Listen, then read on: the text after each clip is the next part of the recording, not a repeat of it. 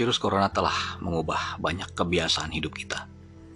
Kita tidak tahu kapan pandemi ini akan berakhir. Tapi satu hal yang pasti, ketika semua ini berlalu, kita akan melihat dunia baru yang berbeda. Seperti apa dunia sesudah corona? Kita ketemu lagi di episode 12 Ngomik, ngocehin ekonomi bersama Ijun. Ini sudah lebih dari dua bulan dunia di karantina hampir seluruh negara melakukan lockdown. Tidak boleh keluar rumah, tidak boleh keluar negeri, semua stay at home. Di Indonesia sendiri, kita terapkan PSBB, pembatasan sosial berskala besar. Itu udah terasa di berbagai sudut. Kita lihat airport mulai sepi, terminal-terminal mulai sepi, mudik juga udah dilarang. Lebaran kali ini tidak ada orang yang rame-rame mudik lucu sih ada beberapa yang mencoba melakukan penyelundupan manusia. Seperti melewati perbatasan-perbatasan gitu lewat di belakang truk gitu ya tapi terus ketangkep juga tapi jadi lucu. Intinya adalah mudik dilarang. Manusia kemudian uh, kembali ke rumah masing-masing. Jadi kita seperti menemukan cara hidup baru ya. Macam-macam aktivitas dikerjakan di rumah. Mulai dari berkebun ada yang memasak di rumah ada yang olahraga di rumah kerja juga di rumah rapat juga di rumah kadang rapatnya malah lebih banyak daripada pada waktu kerja nggak stay at home. Dari pagi sampai sore malam rapat bisa gampang karena sudah bisa dilakukan online. Dan di bulan Ramadan ini eh, kajian-kajian atau pengajian ketika masuk ke bulan Ramadan semakin marak dilakukan online. Jadi kita seperti menemukan pola hidup baru ya. Aktivitas manusia tetap berjalan tapi sebagian besarnya dilakukan dengan basis dari rumah.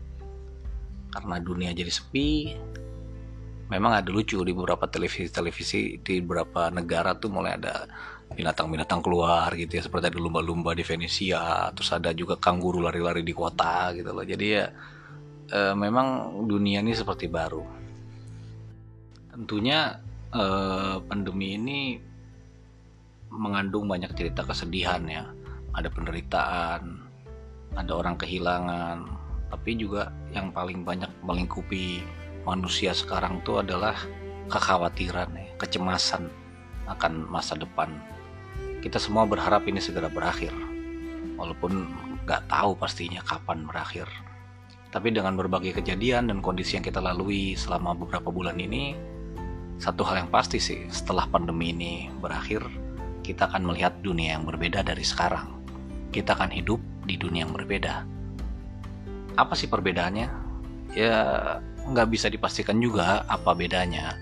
Tapi kalau kita amati dari beberapa hal yang terjadi terus kita pikir-pikir ya sambil ngoceh-ngoceh uh, iseng begini kita tentu bisa melihat-lihat ya apa dunia sesudah corona. Setiap peristiwa sejarah apa pun yang terjadi pasti akan mengubah dunia. Saya pikir ada sekitar mungkin tiga pe pe kemungkinan perbedaan dunia setelah corona Pertama adalah ketika terjadi peristiwa-peristiwa besar di dunia, kalau kita lihat sejarah sejak beratus-ratus tahun lalu, itu akan diikuti oleh perubahan wajah dunia sesudahnya. Nah, akan ada sebuah tatanan baru yang lahir. Misalkan ada akan ada kejadian baru yang terjadi. Nah, kita coba mundur ya beberapa tahun ke belakang ya, kita lihat kejadian-kejadian apa.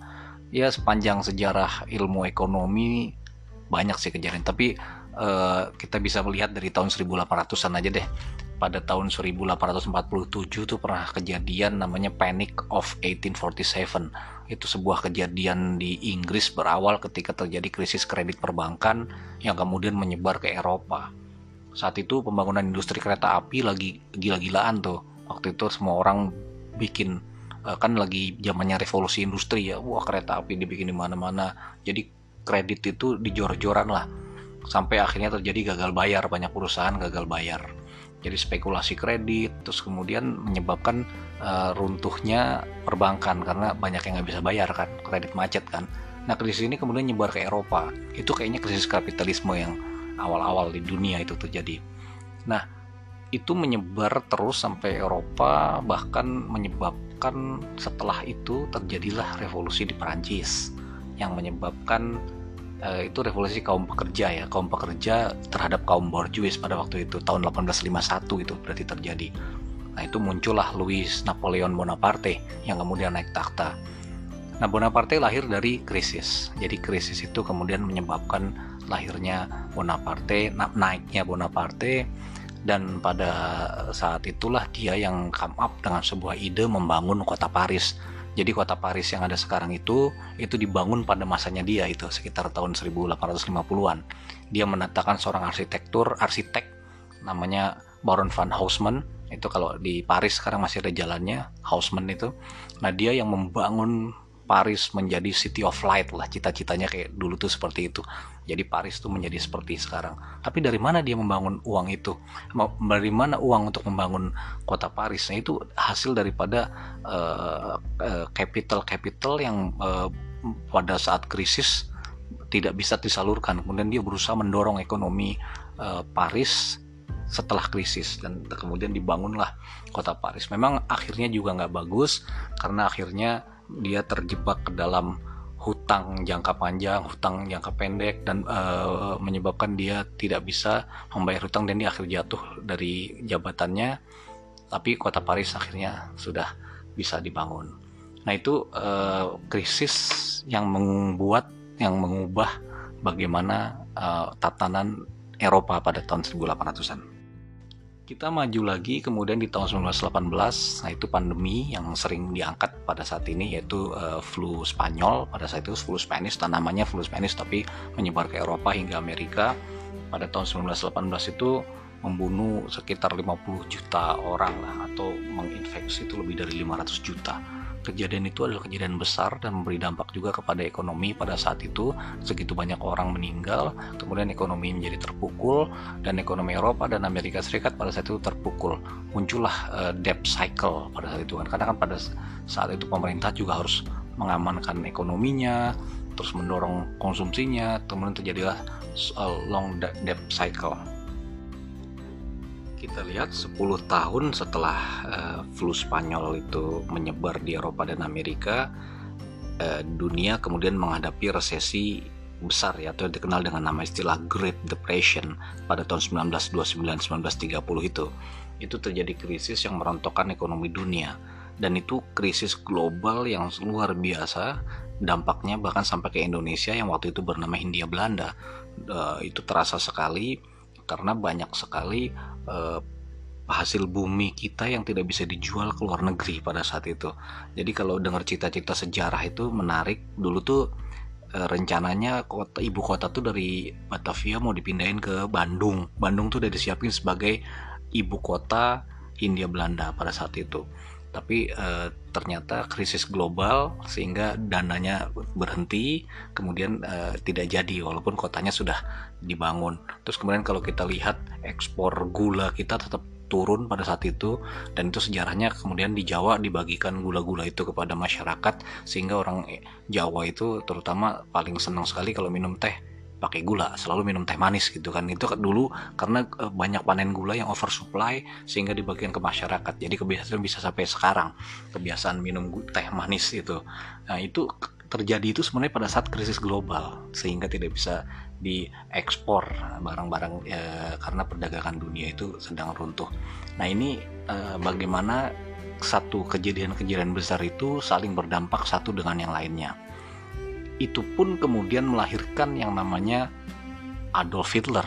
Nah, krisis 30 itu menyebar di Eropa, beberapa negara melakukan pencetakan uang besar-besaran termasuk Jerman, itu Republik Weimar Jerman pada saat itu mencetak uang dan uang itu sampai sebegitu besarnya sampai terjadi yang namanya hiperinflasi.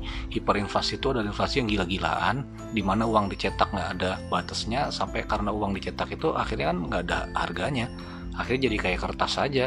Cetak lagi cetak lagi harga naik beratus-ratus eh, juta tapi barang yang dibeli nggak ada. Jadi itu namanya hyperinflation ya kisahnya dulu kalau ada orang bawa uang uang itu kan karena nggak ada nilainya banyak bergerobak-gerobak dibawa satu gerobak buat belanja ditinggal sebentar yang hilang gerobaknya bukan uangnya saking nggak berharganya itu uang gitu loh nah krisis itulah yang melahirkan uh, gerakan dari Adolf Hitler yang menyebabkan kemudian perang dunia kedua Bayangkan peristiwa-peristiwa itu saling bersambung. Perang Dunia Kedua itu terjadi pada tahun 1945 sebagai terberakhir pada tahun 1945 kan. Dan dari situlah kita lihat kejadian besar bagaimana Perang Dunia Kedua itu uh, mengubah juga tatanan ekonomi dunia. Jadi setelah Perang Dunia Kedua itu semua negara menyadari bahwa kalau kompetisi antar negara dan kapitalis-kapitalis yang protek apa negara-negara yang saling berebut mencari daerah-daerah koloni itu menjadi penyebab pemicu perang. Jadi pada saat itu untuk menjaga perdamaian kesejahteraan negara-negara yang menang perang itu membuat sebuah kerangka internasional bagaimana yang terbuka dan aman supaya tidak terjadi perang lagi gitu loh intinya seperti itu. Jadi Amerika Serikat pada saat itu bersama sekutu menggunakan posisinya untuk membangun apa yang dinamakan PBB. Jadi PBB itu Perserikatan Bangsa-Bangsa dibangun pada tahun 1945 dan ada perjanjian namanya perjanjian Bretton Woods tahun 44 itu mengatur perdagangan internasional. Jadi Amerika menempatkan diri sebagai kekuatan dunia uh, dan memimpin tatanan world order yang baru gitu loh. Nah, sistem Bretton Woods ini bisa berjalan cukup lama ya dari tahun 45 itu berjalan terus sampai sekitar tahun 70-an lah. Ya, pada saat itu uh, Bretton Woods itu adalah di mana uang itu di backup dengan komoditas ya, emas pada waktu itu. Jadi untuk menjaga kestabilan nilainya di, di dolar dipatok dengan emas gitu loh. Jadi itu sistem Bretton Woods itu berjalan sampai tahun 70. Tapi kemudian ada godaan-godaan, ada perang Vietnam, ada sebagai pemerintah Amerika tuh mencetak uang lebih banyak daripada uh, emas yang dijaminnya. Akhirnya sistem Bretton Woods itu runtuh di tahun 70-an. Nah, itu kita lihat bagaimana tatanan itu terbentuk dan New World Order itu selesai di tahun 70 dan 70 70 itu kita mulai menghadapi dunia baru lagi, tatanan baru dengan uh, uang dolar Amerika tapi yang sudah tidak di backup dengan komoditas emas. Sistem itu kemudian terlihat mampu membawa ekonomi dunia tuh tumbuh. Jadi dari tahun 80, 90 tuh ekonomi dunia lihat tumbuh pesat, globalisasi di mana-mana, kapitalisme kemudian menguasai dunia dan kita lihat ekonomi dunia dalam beberapa puluh tahun terakhir ini dapat tumbuh kita bisa merasakan sekali bagaimana ditemukan berbagai inovasi teknologi dan juga uh, uh, pasar saham, pasar keuangan yang tumbuh begitu pesat. Nah, itu terjadi sampai kemudian krisis-krisis mengikuti di belakangnya. Ada krisis ekonomi 9798, ada krisis ekonomi global 2008. Intinya sih sebenarnya kita kembali begini, ketika uh, kesimpulannya sih kalau saya cuman lihat-lihat ya, dari setiap peristiwa-peristiwa besar di dunia, apa pun itu, itu pasti pada ujungnya akan melahirkan sebuah tatanan baru ya seperti kita lihat dari tahun 1847 selalu ada tatanan-tatanan baru. Perang Dunia II melahirkan New World Order pada saat itu. Runtuhnya Bretton Woods melahirkan lagi sistem neoliberalisme kapitalisme segala macam. Kemudian tumbuh sampai berapa tahun. Krisis global juga mulai menyebabkan tatanan dunia baru. Jadi kalau misalkan sekarang ini terjadi yang namanya pandemi COVID yang mengedampak kepada ekonomi seluruh dunia most likely setelah ini kita akan menemukan New World Order, dunia baru. Nah, itu tadi yang pertama, bahwa kita nanti setelah krisis ini berakhir akan ada sebuah tatanan ekonomi baru seperti apa. Nah, kita lihat nanti bagaimana uh, yang terjadi. Kita perlu siap seperti itu. Kedua adalah bagaimana terjadinya uh, kelahiran budaya, kelahiran ekonomi baru yang lahir dari rumah ini sebuah filosofi baru yang menarik kalau kita perhatikan belakangan ini stay at home lifestyle uh, kemudian bagaimana behavior daripada konsumen yang meretrack uh, kebutuhannya uh, menjadi kebutuhan-kebutuhan dasar dan melahirkan uh, semua ekonomi kebutuhannya dari dalam rumah. Nah, ini yang menarik. Kita seperti diajak kepada filosofi ekonomi awal jauh sebelum kapitalisme itu tumbuh seperti sekarang yaitu dengan ada orang yang dulu namanya Xenophon. Itu pada uh, uh, abad-abad awal-awal Masehi di Yunani kuno dulu. Nah, Xenophon ini punya prinsip yang kemudian dikenal jadi ekonomi sekarang namanya oikonomikos. Itu kan kita yang belajar ekonomi pasti tahu. Prinsipnya oikonomikos itu adalah tata kelola rumah tangga. Jadi Xenophon itu aja bicara mengenai ekonomi rumah tangga bukan ekonomi pasar. Pada saat itu dia membuat bagaimana setiap rumah tangga itu melakukan pengaturan dirinya sendiri gitu kan. Itu dia masih jauh sekali daripada ekonomi pasar yang ada sekarang. Dan yang sekarang terjadi adalah bagaimana ekonomi kos itu terjadi. Jadi stay at home lifestyle ini setiap orang working living playing uh, hidup belanja juga sekarang nggak belanja yang aneh-aneh lagi kan. Nggak, nggak, nggak maksudnya kita nggak belanja yang sifatnya esteem needs. Itu kita belanja pasti yang kebutuhan-kebutuhan dasar aja. Makan uh, kesehatan yang butuh buat keamanan yang hal-hal yang, yang sifatnya fisikal maupun spiritual yang dekat dengan kita.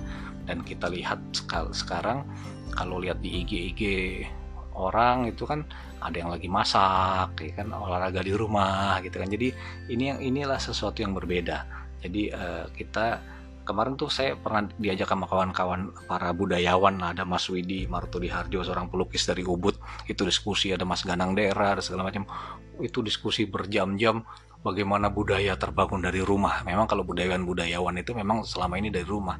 Tapi sekarang bukan hanya budayawan, para ekonom juga seperti itu. Jadi ini adalah sebuah uh, fenomena baru yang akan terjadi. But, tapi kalau ditarik secara makro nanti, ini bisa sebuah ide baru bagaimana kemandirian ekonomi negara ini justru bisa terbangun dari kondisi seperti ini. Kita lihat ketika kemarin ada masalah seperti uh, kita tidak bisa bikin ventilator karena apa semua barang impor. Tapi ternyata dengan kondisi seperti ini kita lihat beberapa institusi malah bisa membuat ventilator dari dalam negeri. Nah, ini menunjukkan bahwa kita punya kekuatan, kita punya potensi untuk membuat sesuatu sendiri, mandiri. Jadi akan muncul kemandirian-kemandirian ekonomi. Ini akan kita lihat nanti apabila kita mampu menyikapi uh, perubahan pada saat uh, virus ini berakhir. Kemandirian ini adalah potensi besar. Dan yang ketiga adalah bagaimana pemulihan ekonomi ini akan terjadi. Uh, tidak ada yang banyak lembaga juga tidak ada yang mengatakan dalam waktu singkat, tapi butuh waktu untuk dilakukan pemulihan sampai dengan mungkin ditemukannya vaksin lah ya. Karena uh, sebelum ditemukan vaksin mungkin mungkin sudah berkurang, tapi tentunya kita tidak serta merta langsung seperti awal dulu gitu kan. Misalkan tiba-tiba nih SPB udah diangkat atau karantina sudah diselesaikan di banyak negara. Kan nggak mungkin tiba-tiba kita langsung semuanya ke mall nonton konser nonton bioskop. Pasti orang masih ragu-ragu juga kan. Kita masih takut siapa yang berani sekarang datang ke keramaian? Masih ada keraguan. Dan ini keraguan ini masih bertahan sampai dengan ditemukannya vaksin. Artinya skala ekonomi pasti masih belum langsung pulih. Nah itu dia. Karena masih ada ketidakpastian. Kita lihat eh, di ekonomis itu uh, judul cover yang baru itu 90% of the economy. Jadi 90% ekonomi yang sekarang ini sudah optimal tapi belum mampu mengangkat seperti uh, kejadian sebelum uh, pandemi ini uh, terjadi. Jadi kita lihat misalkan kayak sekarang food delivery pasti meningkat. Walaupun ojek online turun tapi food delivery meningkat. Uh, subscription kayak Netflix seperti itu juga meningkat naik dua kali lipat. Jadi ada beberapa sektor ekonomi yang tumbuh gitu loh.